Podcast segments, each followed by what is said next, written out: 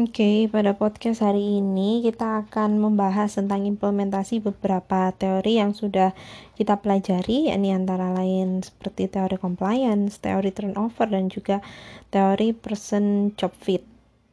Untuk memudahkan teman-teman membayangkan penggunaan teori ini, kita akan pakai satu studi kasus. Kali ini studi kasusnya biar lebih global gitu ya. Kita akan pakai studi kasusnya NHS. Saya yakin teman-teman sudah sering dengar apa itu NHS. Jadi NHS atau National Health Service itu merupakan program layanan kesehatan untuk masyarakat di Inggris Raya. Jadi NHS didirikan tahun 1948 merupakan salah satu sistem kesehatan yang juga salah satu yang tertua di dunia. Kalau sekarang tahun 2020 jadi mungkin eh, 72 tahun usianya sudahan uh, kegiatan ini atau NHS ini mulai dilakukan setelah Perang Dunia Kedua untuk memberikan pelayanan kesehatan bagi seluruh rakyat Inggris. Nah, NHS ini sering juga disebut sebagai salah satu sistem uh, kesehatan atau sistem perawatan kesehatan yang paling efisien dari segi biaya jika dibandingkan dengan negara lain di seluruh dunia termasuk uh, sistem kesehatan pada negara-negara Eropa maju lainnya. Sayangnya uh, kalau Anda baca beberapa artikel atau seringnya artikel tentang uh, eh, NHS itu dilaporkan kalau NHS sendiri kekurangan tenaga kesehatan. Jadi ada sekitar di tahun 2018 itu kalau nggak salah ada sekitar 100 ribu kekurangan untuk tenaga kesehatan atau lebih dari 41 persennya justru juga untuk bidang keperawatan jadi tenaga perawat, tenaga bidan begitu. Itu mereka kurang, kekurangan sekali. Padahal yang kita tahu kalau memang tenaga perawat, bidan itu kan backbone-nya dalam memberikan perawatan begitu ya. Mereka kekurangan. Nah Sekitar setengah dari pertumbuhan staf NHS sendiri itu justru terjadinya untuk tenaga-tenaga kesehatan yang sifatnya profesional kayak dokter, kemudian peneliti itu lebih banyak yang bergabung ke NHS. Pertumbuhan untuk tenaga profesional ini juga walaupun bertumbuh begitu ya, cuman 3% saja setiap tahunnya. Yang lebih parah lagi adalah untuk tenaga keperawatan. Jadi bidan dilaporkan cuma bertambah satu persen setiap tahunnya yang mau bergabung dengan NHS. Sementara kalau keperawatan, tenaga perawat atau perawat itu cuma setengah persen saja setiap tahunnya kondisi kayak gini itu sudah ada sejak tahun 2014. Jadi tahun 2014 uh, sudah mulai shortfall. Kemudian kalau dianalisis ternyata juga terjadi lebih banyak karena selain hanya sedikit yang mau bergabung, yang keluar dari NHS sendiri itu juga banyak. Jadi turnover rate-nya sangat tinggi kita akan kembali ingat ke teori turnover gitu ya. Kita kemarin belajar bahwa turnover teori itu kita bisa pilih uh, jenis-jenis turnovernya. Kalau dari kacamata NHS, turnover yang terjadi tadi itu termasuk sebagai undesirable turnover atau turnover yang tidak diinginkan. Kondisi yang seperti ini itu terjadi saat karyawan yang dibutuhkan justru memilih meninggalkan organisasi.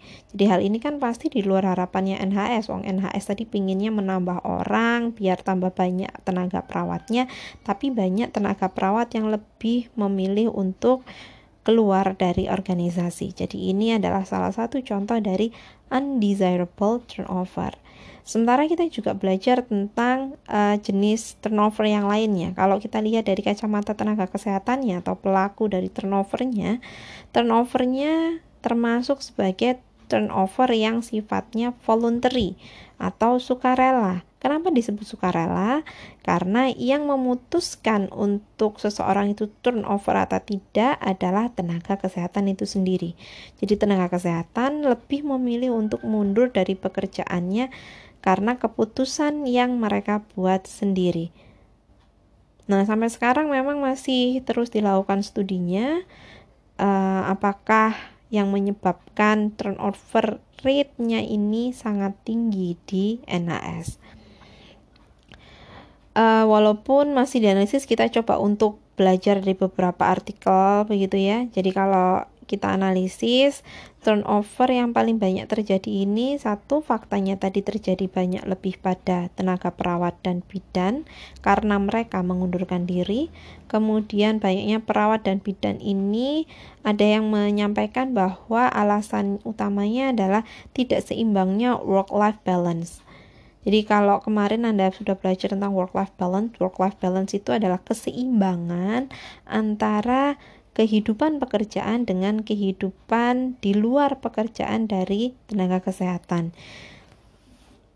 Ini beda dengan konsepnya person job fit. Kalau person job fit itu lebih pada tentang uh, karakteristik personnya, karakteristik tenaga kesehatan dengan karakteristik yang ditawarkan oleh pekerjaannya. Kalau work life balance itu setelah dia masuk menjadi seorang pekerja, dia akan bisa membandingkan uh, apakah effort yang saya keluarkan itu lebih banyak untuk pekerjaan atau untuk hal lain di luar pekerjaan? Itu work life balance. Nah alasan tadi yang paling banyak ditemukan dalam turnover uh, tenaga perawatan di NHS tadi banyak menyampaikan adalah work life balance. Artinya ini kalau kita lihat dari bagaimana cara mengukurnya ada yang menyebutkan perceived person fitnya. Jadi dia dinilai dari persifnya gitu. Apakah pekerjaannya ini akan cocok sama dia atau tidak begitu ya. Kalau persif itu kan yang bisa menjawab cuman orang itu sendiri gitu. nah kembali lagi ke alasan tadi. Jadi ketidakseimbangan antara pekerjaan kehidupan individu atau work life balance ini mengindikasikan adanya uh, masalah person environment misfitnya. Jadi kalau fit atau tidak itu kan kemarin kita bisa pilih ya jadi ada fit ada misfit kalau fit ada supplementary ada complementary. Nah jenis dari misfit ini kalau ini tadi karena ada turnover berarti kan dia menunjukkan ada nggak cocok jadi misfit jenis dari misfit ini yang perlu dianalisis adalah apakah tidak sesuai dengan nilai-nilai organisasi atau berarti itu adalah person organization fit atau masalahnya lebih pada tidak sesuaian dengan pekerjaan atau person job fitnya. Jadi ini kembali ke berbagai macam tipe environment fit. Person environment fit itu kan ada macam-macam, ada nggak cocok karena organisasi, ada yang nggak cocok sama pekerjaan, ada yang nggak cocok sama teman kerja, begitu ya. Nanti Anda silakan cek lagi jenis person fitnya. Namun kalau alasannya work life balance, jadi kemungkinan besarnya adalah masalahnya ada pada person job fitnya. Kenapa kok person job fitnya? Analisisnya bisa kita buat seperti ini. Jadi kemungkinan yang paling besar adalah employee desire dan job supplies. Kemarin kan kita sudah bisa pilih ya person job fit itu ada dua macam. Fit person job fit antara employee desire dengan job supplies atau uh, job demand dengan employee ability-nya. Kalau di dalam kasus ini kayaknya lebih pada employee desire dan supply dan job supply-nya.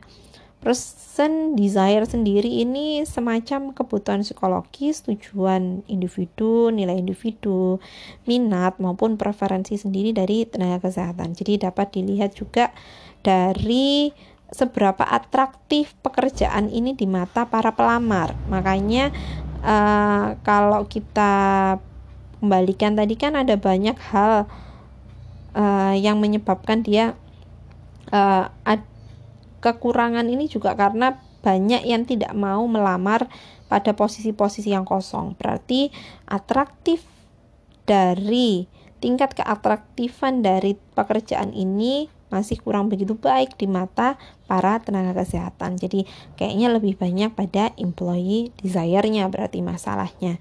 Nah, selain itu, kalau fit tadi, person job fit, employee desire akan dibandingkan dengan job supply. Job supply ini kayak apa pun yang bisa ditawarkan oleh organisasinya dari pekerjaan tadi. Misalnya kayak pekerjaannya menarik atau enggak, organisasinya memberikan reward-reward atau tidak, at, pekerjaannya tadi memberikan gaji atau dia juga dilibatkan dalam pengambilan keputusan atau apakah ada job enrichment di situ. Itu yang disebut dengan job supplies. Jadi person job fit yang bermasalah di sini lebih pada employee desire dengan job supplies-nya orang memandang pekerjaannya kurang begitu menarik. Jadi makanya dia nggak ada yang mau mendaftar. Hal tersebut dilakukan setelah mereka membandingkan oh saya pinginnya pekerjaannya yang begini. Oh dia akan memberikan banyak hal benefit begitu ya. Nah apakah pekerjaannya bisa memenuhi kebutuhan uh, keinginan tadi? Itu yang disebut dengan perbandingan antara employee desire dan juga job supplies pada artikel yang lain juga disebutkan bahwa selain kondisi work-life balance, sejumlah perawat tadi juga keluar karena ada pengaruh Brexit di situ. Kalau teman-teman ingat beberapa waktu yang lalu, tahun lalu, Inggris akhirnya memutuskan untuk Brexit, keluar dari Uni Eropa. Padahal komposisi tenaga keperawatan yang ada di NHS itu lebih banyak adalah negara dari tenaga-tenaga kesehatan yang bukan penduduk Inggris sendiri. Jadi banyak tenaga kesehatan di sana itu adalah ekspatriat dari Uni Eropa atau juga bahkan dari non Uni Eropa. Jadi waktu sana saya pernah lihat bahwa oh tenaga kesehatannya juga perawatnya ada yang dari Indonesia juga gitu ya. Jadi perawat-perawat yang di NHS itu tidak semuanya adalah orang Inggris tapi lebih banyak adalah orang dari luar uh, bukan warga negara Inggris.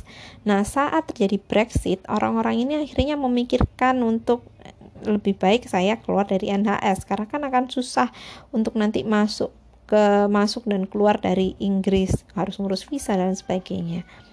Itu mungkin terutama untuk tenaga-tenaga kesehatan yang dari Uni Eropa ya. Nah, jadi selain work life balance ada Brexit. Nah, kalau dari Brexit kita bisa tahu, kita bisa belajar bahwa oh ternyata yang menyebabkan orang itu membandingkan itu ternyata bukan hanya internalnya dia aja, tapi juga dari uh, faktor lain di luar internalnya dia. Jadi kayak misalnya policy. Di sini kan Brexit adalah policy. Jadi mungkin juga bisa diingat kuliah kita yang lalu tentang Human Resource for Health Action Framework. Itu kan di atas sendiri yang mempengaruhi segala macam perilakunya juga ada kebijakan. Baik. Nah pada tahun 2017 NHS akhirnya meluncurkan program NHSI atau NHS Improvement untuk mengatasi tingginya turnover. Fokus programnya adalah dengan meningkatkan staff engagement, menawarkan fleksibilitas kerja untuk uh, pekerjaan-pekerjaan yang ditawarkan tadi, memberikan peran adat adaptif untuk tenaga kesehatan. Jadi biar mereka retensinya tinggi, diberikan peran-peran adaptif aktif seiring bertambahnya usianya bersama NHS, kemudian budaya kerja, budaya organisasi yang lebih terbuka, kemudian juga kesempatan untuk mengikuti pendidikan lanjut bagi semua para stafnya NHS. Jadi program ini menunjukkan perubahan terhadap turnover rate-nya. Tujuannya adalah mengubah turnover rate-nya. Dan ternyata setelah dievaluasi, program ini mampu menurunkan angka turnover rate-nya. Jadi yang pertama awal sebelum program ini ada 14,3 persen yang turnover. Setelah program ini dilakukan ada menurun menjadi 13,4 persen setiap tahun ya turnover rate-nya. Namun perlu diingat juga bahwa ada yang menyebutkan bahwa adalah standar patologis dari turnover rate ini sekitar 10 sampai 11%. Jadi yang bisa ditolerir dalam sebuah organisasi kalau turnover rate-nya tidak lebih dari 10 atau 11%. Di atas itu masih menyebabkan bersifat patologis. Artinya dia akan menyebabkan kerusakan untuk organisasinya. Entah itu produktivitasnya menurun biaya yang dikeluarkan untuk rekrutmen seleksi dan pengelolaan sumber daya manusianya juga akan meningkat gitu ya. Itu yang disebut dengan patologis. Biasanya 10 sampai 11% tidak lebih dari angka itu yang disebut masih bisa ditolerir.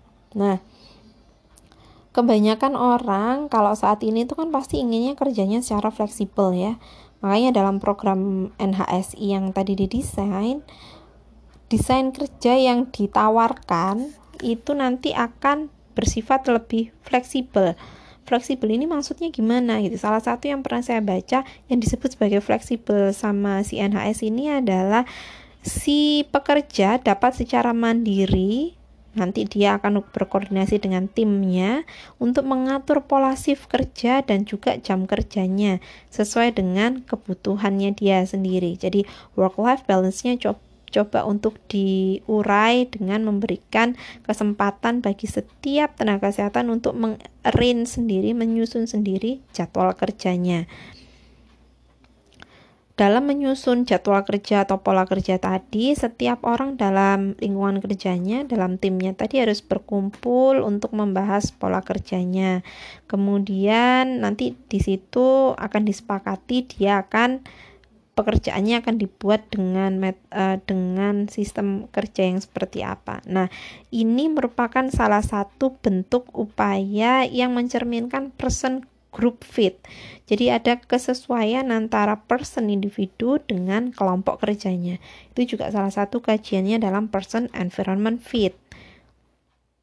Nah, jika kita menganalisis solusi dengan desain kerja yang fleksibel tadi, dengan compliance teori, maka setidaknya kita bisa membahas tiga hal kan ya.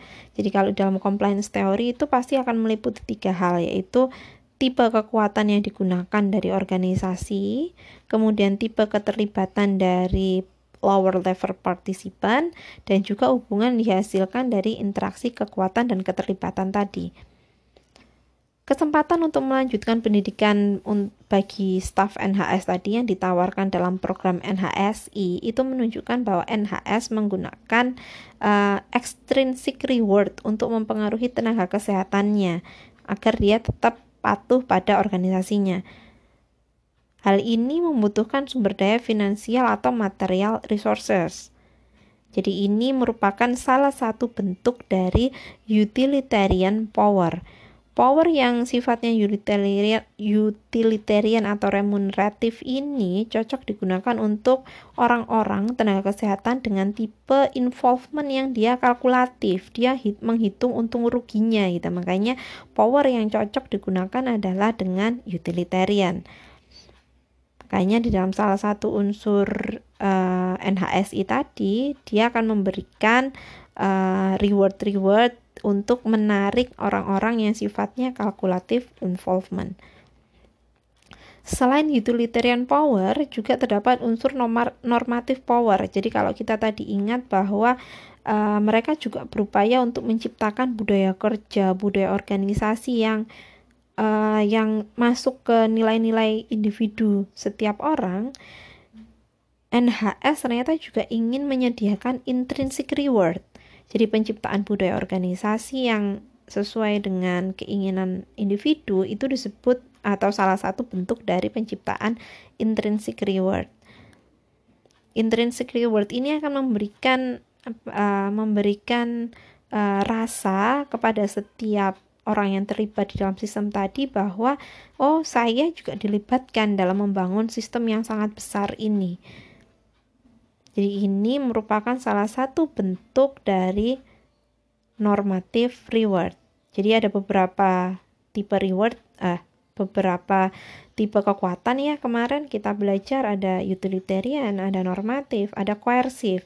Yang digunakan tadi adalah uh, utilitarian power dengan memberikan reward-reward ekstrinsik seperti kesempatan kesempatan untuk studi lanjut begitu. Kemudian dia juga menggunakan kekuatan yang sifatnya normatif yaitu berupa intrinsic reward, menciptakan budaya kerja kalau di dalam cerita ini.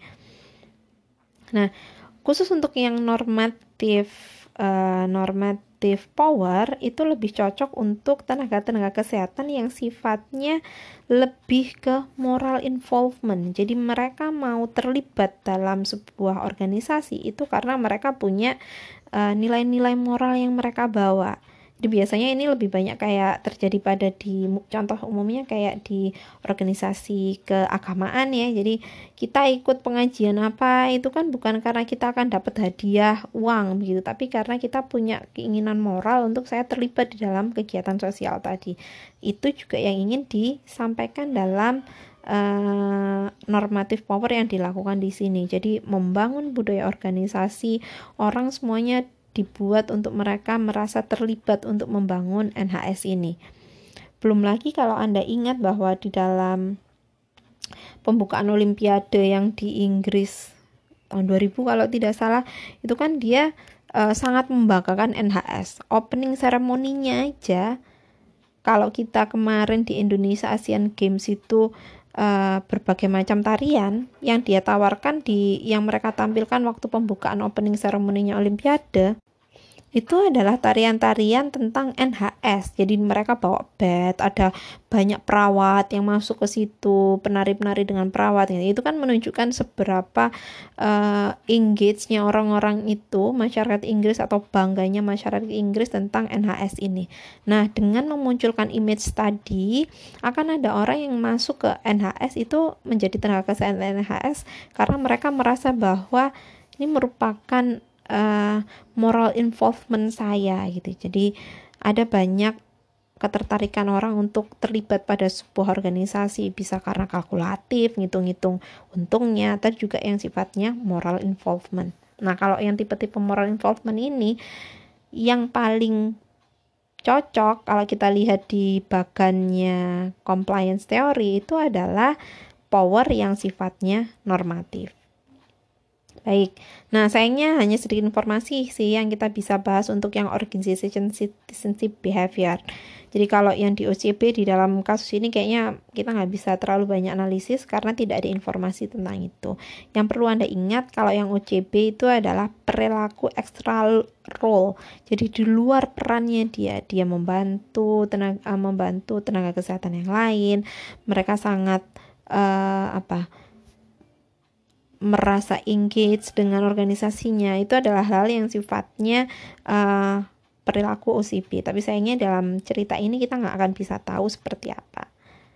Baik itu mungkin yang bisa kita sedikit bahas tentang beberapa implementasi teori-teori ini pada studi kasus NHS